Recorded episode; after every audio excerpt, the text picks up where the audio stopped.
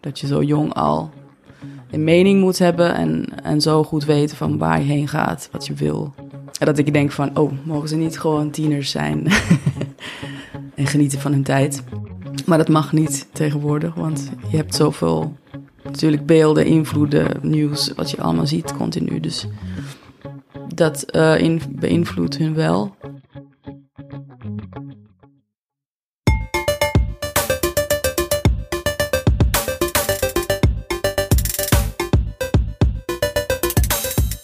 Welkom bij Wij zijn kunstenaar. In deze podcast gaan we op onderzoek uit hoe en of kunst kan zorgen voor een blijvende verandering. Mijn naam is Diede Vonk en in deze serie spreek ik creatieve makers die onze wereld kritisch bevragen.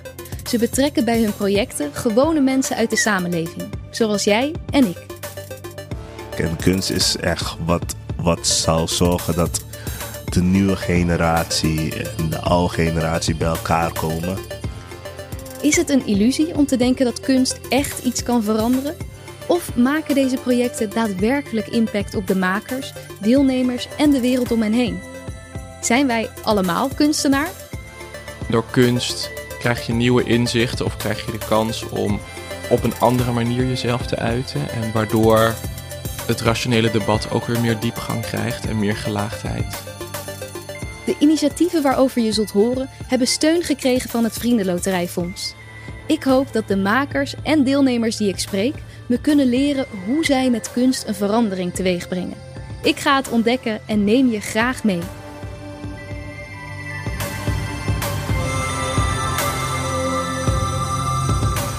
Deze aflevering gaat over het project Revolt van choreograaf Cecilia Moisio. Samen met jongeren door heel het land onderzocht zij het thema activisme. Met één groepje jongeren maakten ze als eindwerk van dit onderzoekslab een film. Daarna werd er met professionele dansers en performers de voorstelling Revolt gemaakt. Het is een totaalbeleving geworden van dans, tekst, video's met fragmenten uit de onderzoekslabs en performance. Als we het hebben over een verandering willen maken met kunst, dan is activisme daar natuurlijk een goed voorbeeld van. Activisme en kunst gaan vaak hand in hand. Zo ook in dit project. Toen Cecilia een paar jaar geleden dit onderwerp bedacht, had ze nooit kunnen bedenken hoe ongelooflijk actueel dit thema zou worden. Ik ben erg benieuwd wat het doet met jongeren om op te groeien in deze tijd. Protest na protest komt voorbij. Zijn ze daardoor strijdlustiger? Of is het ook een last als je op jonge leeftijd al voor zoveel dingen moet gaan staan? Mag je ook wel eens geen mening hebben? En wat hebben Cecilia en de performers geleerd van deze jongeren? Velen hebben ook wel echt hele uitgesproken mening al. Dat je denkt, oh je bent twaalf, maar je begrijpt al hoe het allemaal in elkaar zit en wie jij bent. Dat vond ik wel ergens mooi, maar ook wel schrijnend om te zien. We horen in deze aflevering ook Rowan Kivits. Hij is danser en performer en was een van de jongeren die deelnam aan het allereerste onderzoekslab van Revolt, waar uiteindelijk een film van gemaakt werd. Jongeren is hier trouwens een breed begrip. De jongste in die groep was 12 en Rowan was met zijn toen 24 jaar een van de ouderen uit de groep. We leven heel erg in een cultuur van korte clipjes en korte slogans, maar het probleem is dat de problemen waar we het vaak over hebben niet echt te duiden zijn in korte clipjes en slogans, maar dat dat heel ingewikkelde, genuanceerde gesprekken zijn. Ook spreek ik Serrano Pinas. Hij doet mee in de voorstelling Revolt en hielp mee met de workshops voor de onderzoekslabs. Ik vond het heel fijn dat zij me ook durfde te zeggen van nee, zo moet je niet bekijken. En dat, ja, die brutaliteit, dat is, um, dat is wat ik juist vet vind van de nieuwe generatie, van de mensen van hey, snap je, er komt een nieuwe wind aan, dus watch out. Cecilia kwam zo'n 25 jaar geleden vanuit haar geboorteland Finland naar Nederland. Ze begon hier op de dansacademie en ging daarna haar eigen voorstellingen maken. Bepalend voor haar werk is de psychologie van de mens en hoe we dit in de samenleving terug zien komen. De tweedeling van mee willen gaan in de samenleving, maar op persoonlijk vlak hier juist mee in de knoop komen. Iets wat in dit project ook een belangrijk thema is. Hoe werkt Cecilia en hoe weet ze het uiterste uit de jongeren te halen? Ik ben een, altijd een heel fysiek iemand geweest en ook als danser heel sterk. En uh, ook juist uh, mijn grenzen altijd proberen te verleggen. Hoe kan ik verder gaan? Hoe ver kan ik gaan? dat was een soort kick die ik kreeg. Wat ik ook in mezelf voor mezelf deed als danser, doe ik nu ook bij de performers. Ik probeer hun altijd te duwen, steeds uh, verder in het, ja, in het acteerwerk, maar ook uh, fysiek. Ja, mijn voorstellingen zijn wel best zwaar, meestal. Ze zijn zwaar ja, op een fysieke manier, maar ook omdat ik ja, heel erg emoties combineer met een soort uitputtingsslag van de lichaam. Dus ze moeten echt eigenlijk over hun grenzen heen echt moe worden. Echt tot het gaatje gaan eigenlijk. Zodat ik ook hun echte ja, gevoelens kan zien en wat daarachter zit. Want bij mij gaat het vaak over soort uh, façades wat mensen op hebben. We doen alsof we alles goed is of we zijn geweldig of ja, niks aan de hand. Maar daaronder zit gewoon heel veel natuurlijk pijn, verdriet uh, van alles wat je hebt meegemaakt. En dat wil ik uiteindelijk zien. Dus dat probeer ik ook door die uitputting en steeds uh, de grens te verleggen om dat te dan zien.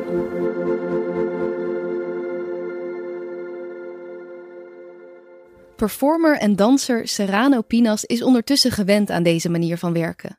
Het is al het derde project wat hij doet met Cecilia. Zij gaat echt voor de echtheid. Fysiek, mentaal daagt ze je zodanig uit. En je hoeft het niet altijd mee eens te zijn. En dat vind ik vet. Gewoon van dat zij een bepaalde discussie start. Als zij um, triggert me om bepaalde dingen te doen die ik zelf niet 1, 2, 3 zou doen. En dat is wat ik eigenlijk altijd heb gezocht in een, in een maker. Een hele mooie manier van werken, maar ook een heftige. Zometeen hoor je meer over de persoonlijke veranderingen die Rowan en Serrano door dit proces meemaakten. Eerst wil ik graag weten waarom Cecilia iets over activisme wilde maken. Ik had dit echt begin, beginconcept al heel lang. Eigenlijk een voorstelling over maatschappij kritisch zijn, machtsverhoudingen, de leugens die uh, soms ons voorgeschoteld worden. Want mijn voorstellingen gaan ook veel over de waarheid, over de leugen. Hè? Ik denk zeker vijf jaar of zes jaar geleden dat ik voor het eerst die idee had. Dat kwam gewoon bij mij op. Ook door de, um, het sprookje De Nieuwe Kleren van de Keizer. Dat had ik als inspiratie toen. En dat gaat natuurlijk ook over een collectieve leugen die iedereen gelooft.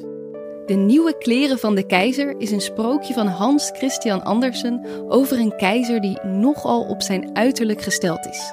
Hij wil dat iedereen hem de allerbeste en allermooiste vindt. Op een dag komen twee kleermakers langs die hem beloven dat ze een geweldig nieuw soort stof hebben.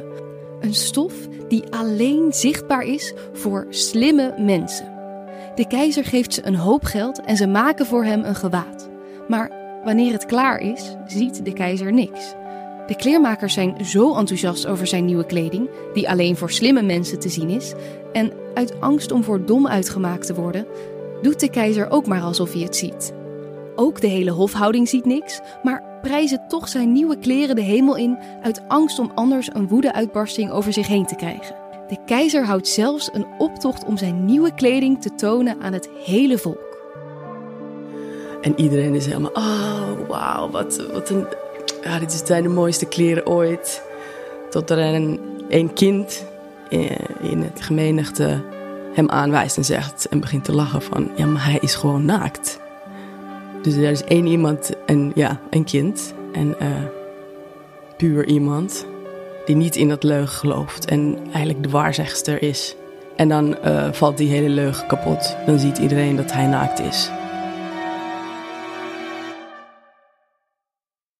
Ja, daar gaat heel veel dingen, vind ik, tegenwoordig over.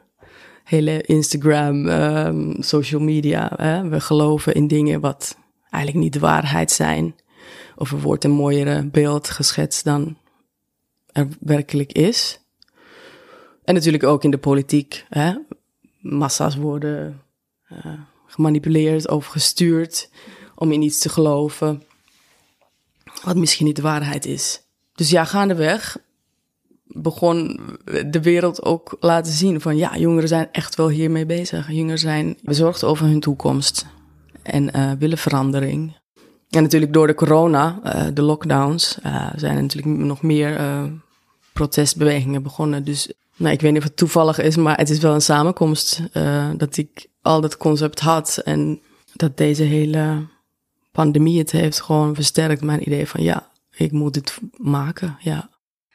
Er is inderdaad nogal wat gebeurd sinds Cecilia dit eerste idee kreeg. Daarom vraag ik Roman en Serrano wat zij voor dit hele project dachten over protest en activisme. Ik ben zelf helemaal niet iemand die heel erg bij een protest aansluit of heel erg, maar ik heb zeker wel een mening over van alles. Dus ja, ik was eigenlijk ook wel benieuwd voor mezelf om te kijken, oh ja, hoe, hoe ga ik hiermee om? Of met de informatie die zij geeft over het protesteren of met elkaar ergens voor strijden. Hoe ik me daartoe zou verhouden. Zeker omdat we ook zelf tekst moesten gaan schrijven en dat soort dingen. Ik vind dat zelf altijd nog wel moeilijk of zo om te kijken we zijn denk ik een generatie nu die best wel weer activistisch is en wil opkomen voor dingen en gaat protesteren. Maar ik merk toch dat ik me daar ongemakkelijk bij voel. Ik voel toch een beetje van, oh ja, er worden leuzen om je heen geschreeuwd. Waar ik van denk, ja, aan de ene kant sta ik erachter, maar aan de andere kant ben ik ook heel erg een voorstander van het gesprek aangaan met mensen en eerder de dialoog aangaan dan heel erg mijn eigen mening op een spandoek te gaan verkondigen. In deze voorstelling wordt je natuurlijk heel erg gevraagd om wel je mening te geven. Hoe, hoe was dat voor jou om zo duidelijk. Ja. Nou, ik ben niet bang om duidelijk mijn mening te geven. Ik denk wat ik vind het fijner in een theatervoorstelling, omdat je dan weet, daar wordt ook een vorm aangegeven en daar wordt. Theater is altijd een gechargeerd iets. Het is nooit dat dat één op één is wat het is. Dus ik vond het hierin juist makkelijker om mijn mening te geven, omdat je weet dat je een onderdeeltje bent in een geheel. En misschien ook dat je je verschuilt achter een vorm. Dat je weet van ja, dat is wel mijn mening, maar daar heeft een choreograaf dit mee gedaan. Of daar heeft de tekstschrijfster dit mee gedaan. Dus dan voelt het toch alweer minder als helemaal mijn ding. Dus dan vind ik het weer makkelijker eigenlijk. Want als er dan iets zou zijn waarvan ik later denk, oeh, dat was eigenlijk niet zo goed. Of hier was ik een beetje radicaal of zo, dan kan ik altijd de schuld geven aan de vorm. Um, om eerlijk te zijn heb ik uh, maar één keer groot geprotesteerd. Ik heb altijd geprotesteerd tegen mijn ouders. en dus het, pro het, protesteren, het idee van wat protesteren is, dat heb ik wel vaker, vaker meegehad. En, maar toen Cecilia mij had gevraagd van, um, ik wil een voorstelling doen over protesteren, wat uh, protesteren is. En um, werd, dat meteen een vraag voor mij van, wat weet jij van protesteren? Um, ik ben ja, een zwarte man. En dus ik, ik, zou voor veel dingen kunnen protesteren, maar dan was het echt van, ja, dat zijn dingen die de. Ja, het waren heel veel vragen. Laten we, laten dat zeggen. Er kwamen meteen heel veel vragen. Uh, en natuurlijk ook meteen interesse. Want soms denk je van dat je de dingen weet wat uh, in je omgeving of uh, in de wereld gebeurt. Maar dankzij deze voorstelling ben je toch wel ben je toch iets dieper in bepaalde dingen gegaan. Zometeen meer over de grote persoonlijke veranderingen van Rohan en Serrano door dit project. Eerst is het goed om even te kijken naar hoe de labs in zijn werk ging. Het onderzoekstraject bestond uit workshops die door Cecilia werden gegeven aan jongeren door het hele land. Maar het eerste onderzoekslab, waar Rowan aan meedeed, was door de lockdown volledig online. Hoe ging dat in zijn werk? Nou, het hele proces begon met schrijfsessies, begeleid door Elfie Tromp.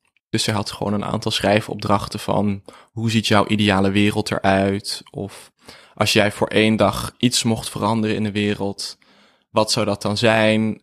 of um, schrijf een moment op in je leven waarvan je spijt had dat je iets niet hebt gedaan. Dus bijvoorbeeld dat, dat mensen over jou heen liepen en dat je denkt, oh, eigenlijk had ik dit willen doen achteraf, maar dat had je toen niet gedaan. Wat had je dan willen doen? Allemaal dat soort opdrachten moesten we uitschrijven en dat stuurden we dan naar, naar Elfie en Cecilia op.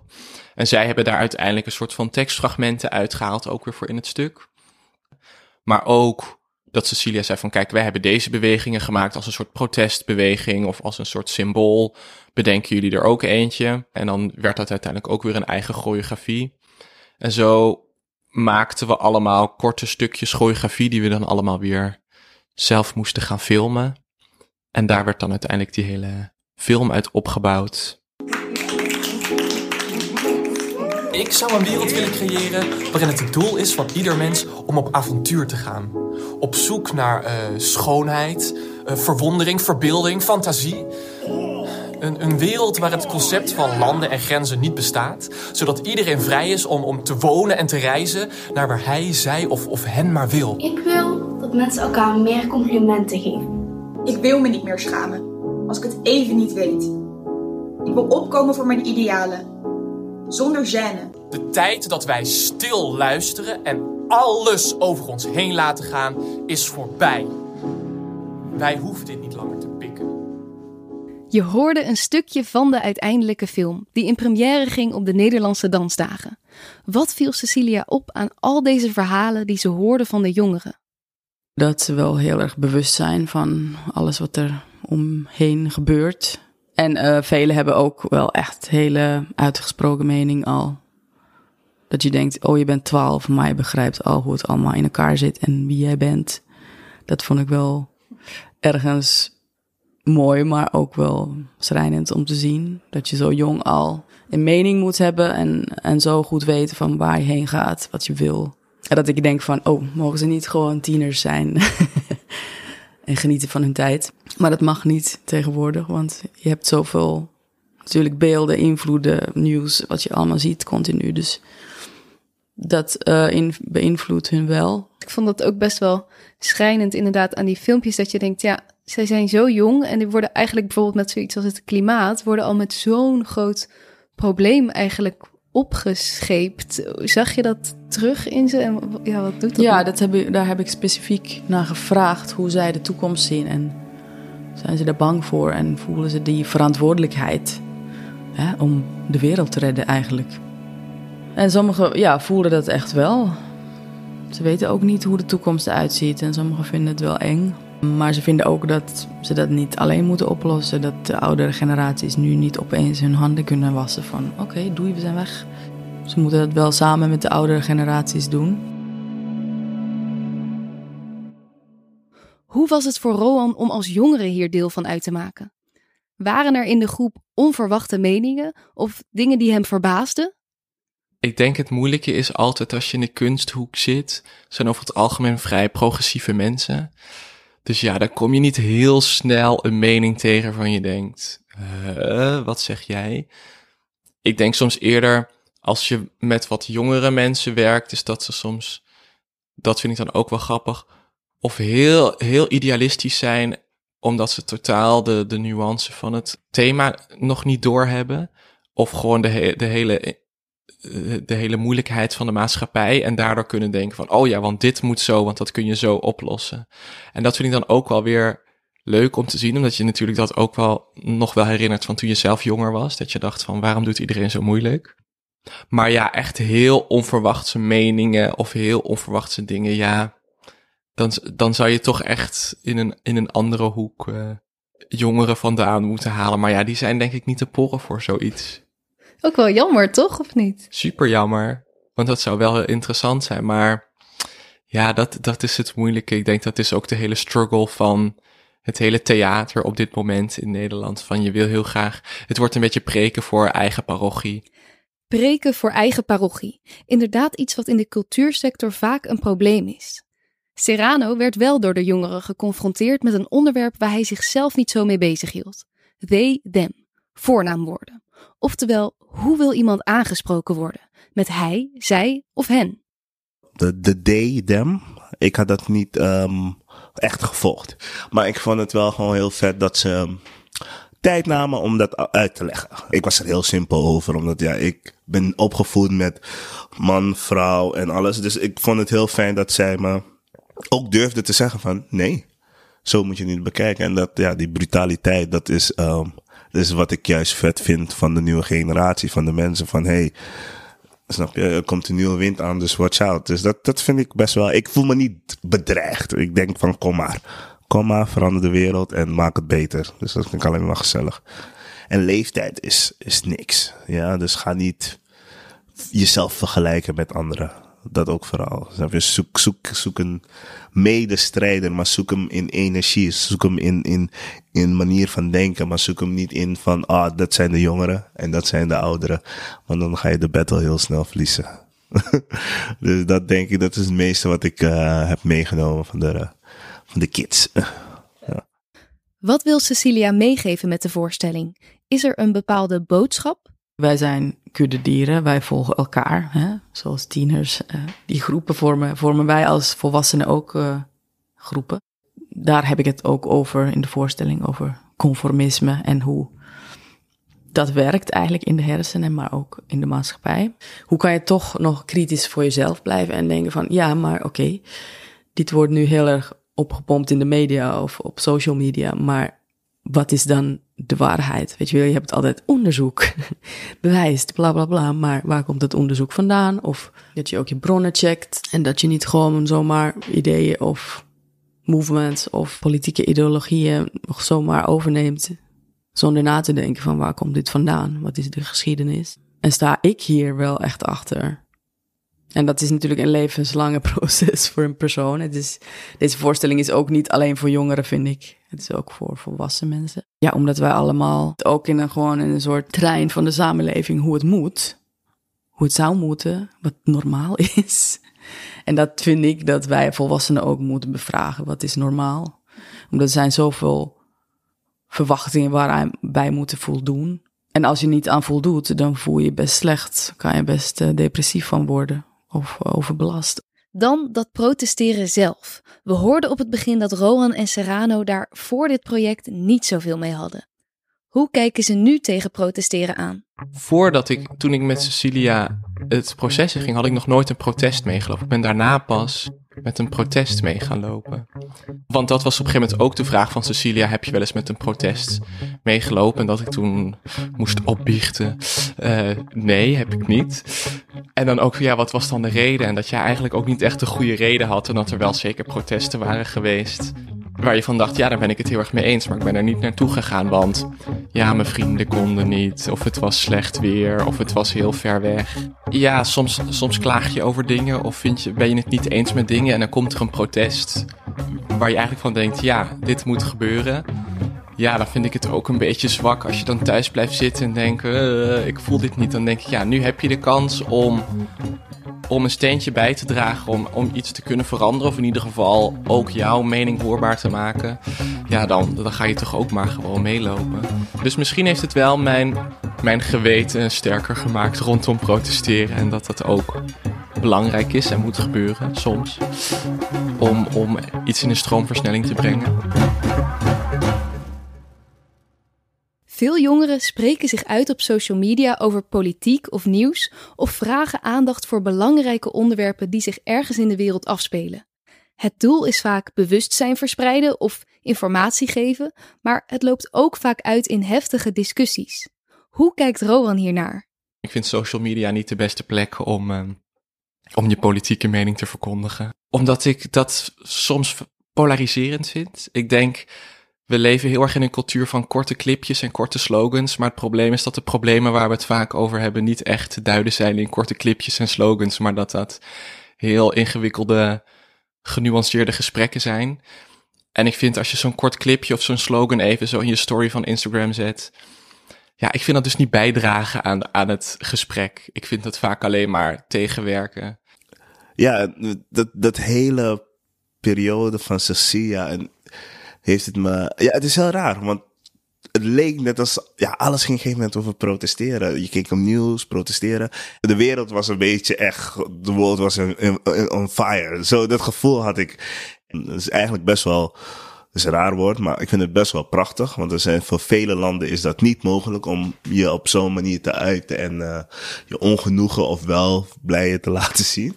Dus ik uh, begon ook te realiseren van wat, wat voor privilege we hadden in het land. Dus je gaat meedoen. Je komt toch wel in zo'n community. Het is echt een community en er zijn echt mensen die het echt voor de living doen. Dus je komt er echt achter van als je, als je voor bepaalde dingen staat kan je niet alleen zondag ervoor staan en maandag gewoon weer naar je werk gaan. Dus ik kwam er echt achter dat heel veel mensen er echt gewoon 24-7 mee, uh, meededen. Dus ik kwam ook in die periode dat ik met Cecilia bezig was, kwam ik erachter van hoe eigenlijk, hoe belangrijk en hoe diep het gaat protesteren ja, dat heeft het wel veranderd. Ik ben wel gaan kijken, ook toen de mensen op Den Haag, de mensen op Museumplein, als vrienden van me praten van, yo, wat doen die mensen daar? Ze zijn belachelijk. En zoals ik, nee, nee, nee, nee, nee. Deze mensen vechten voor een bepaalde vrijheid, waar jij misschien niet voor staat. Maar als ze die krijgen, ben je wel een van de mensen die daar benefit van gaan nemen. Dus als er iemand aan het protesteren is en je snapt het niet, ga dat niet. Ga ze niet labelen Neem de tijd om eerst te onderzoeken voor wat ze staan, waarom staan ze daar. En dan kan je erover oordelen en misschien over praten. En misschien nog zelf wat over, wat, over leren. Want dat, dat was het ook. Ik keek naar bepaalde dingen en van, ah, gestoorde mensen. Maar later dan dat ik me ging verdiepen en dan was het echt van, oké, nou, die, volgens mij staan ze ook voor mij daar. Het eerste protest waar Serrano heen ging was de demonstratie van Black Lives Matter op de Dam in Amsterdam. Hoe was het voor hem om daar te staan? Ik was geschrokken. Ik was geschrokken omdat er natuurlijk veel mensen waren. Um, ik was geschrokken dat. Uh, nou, geschrokken. Ik vond het fijn dat we allemaal kwamen voor één ding. Ik vond het vet om te zien dat het niet een probleem was van zwarte mensen, alleen een probleem van zwarte mensen. Ik zag Amsterdam. En dat vond ik heel vet. Ik kreeg misschien meteen weer zo'n euforie uh, gevoel. Ik zag Amsterdam voor het eerst voor wat Amsterdam was.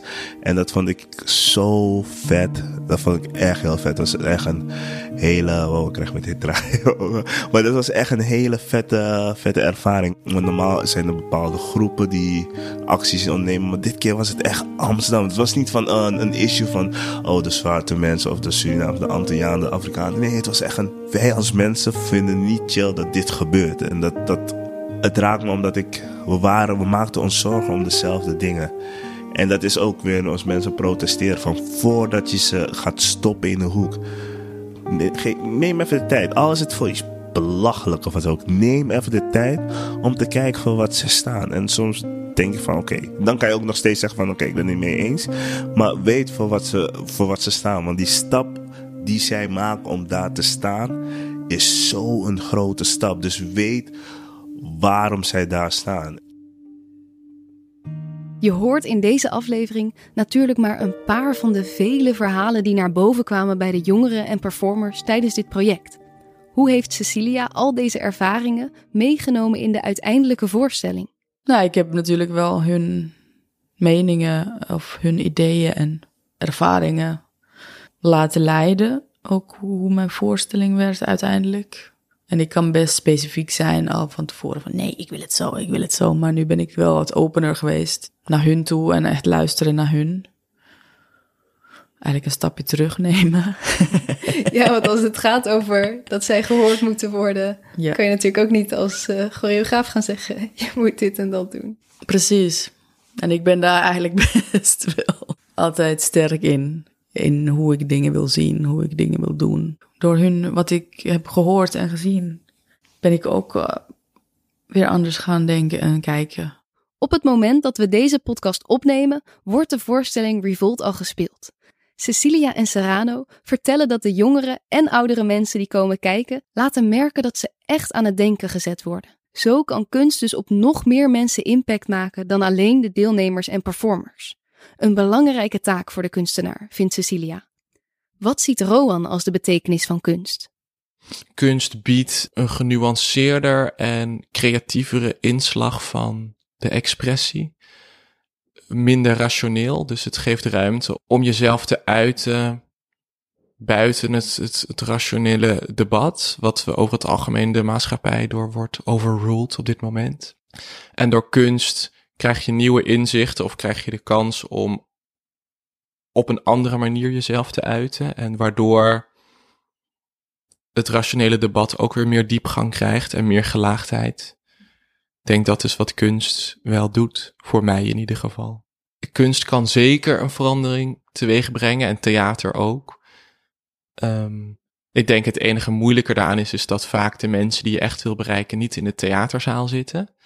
Maar dan alsnog kan het je in, in je nuance veranderen, omdat je toch weer andere standpunten meekrijgt. En goede voorstellingen blijven je bij en daar denk je over na. En dat verandert je denk ik altijd als mens, omdat het je, net als een goed boek, het, het, het laat je even echt een ander standpunt zien van iets. Dus je ziet voor een korte tijd even de wereld vanuit een andere kant.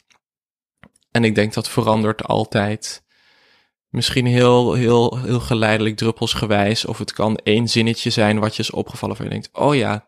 Of één bewegingsfrase waarvan je denkt, oh dat deed iets met me. Of dat, dat veranderde iets in mij. In mijn hoofd is kunst ook gewoon protesteren. Ik ben een grote liefhebber van hip-hop. En de manier van hoe hip-hop is ook gekomen onder de onderdrukking van de ouderen. Die vonden van, yo, jongeren, dit is muziek. En dat de jongeren zich echt moesten van hun kelder naar boven gaan. En check nu is, hip-hop is een van de grootste ever. En dat is echt gekomen vanuit onderdrukking. En dat, ja, dat, zo zie ik gewoon kunst. Snap je? Al die ene persoon, je hoeft net die ene persoon te raken met wat je ziet.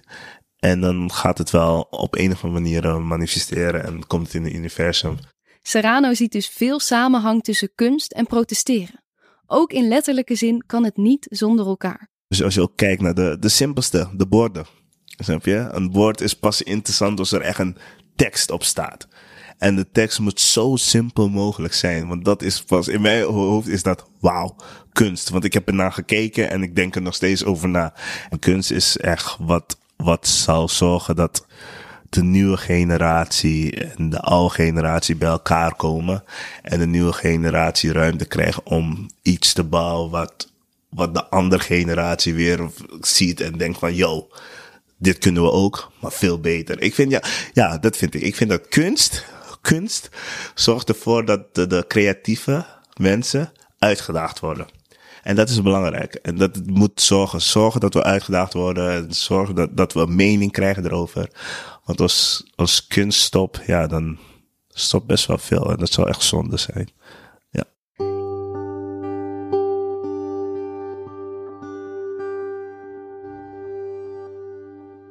In de intro van deze podcastserie noem ik dat ik het soms zelf best lastig vind om te kiezen waar ik voor ga staan. Er is zoveel onrecht, zoveel belangrijke onderwerpen waarvoor gestreden en geprotesteerd wordt. Maar moet je overal een mening over hebben? Leggen we daarmee niet ook wat te veel druk op de jongeren? Ja, er zijn zoveel movements en zoveel dingen waar je druk van zou moeten maken. En daar heb je ook gewoon als één persoon niet de capaciteit voor, of niet de tijd of de energie voor altijd. Soms moet je gewoon, ah, alles weg, ah, nee, alleen ik. En weet je wel, gewoon niet denken, niet nadenken over al die grote dingen. Dus dat hebben we ook nodig. En die jongeren hebben dat zeker ook nodig. Want ik vind dat ze ook zo vroeg nu een mening moeten hebben over alles. En de toekomst en hoe dat moet. Ja, ja, geen wonder dat ze allemaal burn-out zijn, die tieners. Ja. Al. Want er wordt zoveel van, van hun gewacht. Ze zijn nog steeds hun mening aan het vormen en ze moeten dat al hebben nu. Weten wat ze willen, de toekomst. En dus eigenlijk, ja, ik weet het niet. Ik heb meer zoiets van. Leave them alone. maar aan de andere kant zit je ze ook juist heel erg ja. daar van. Laat je stemmen. Ja, twee kanten, wat moet ik zeggen? ja, het is meer denk ik, ja, omdat we wel in dit systeem en in deze maatschappij zitten waar het wel van hun wordt verwacht. Dus dan denk ik van als het van hun verwacht wordt om een mening te hebben, vorm dan in godsnaam je eigen mening. en volg niet zomaar.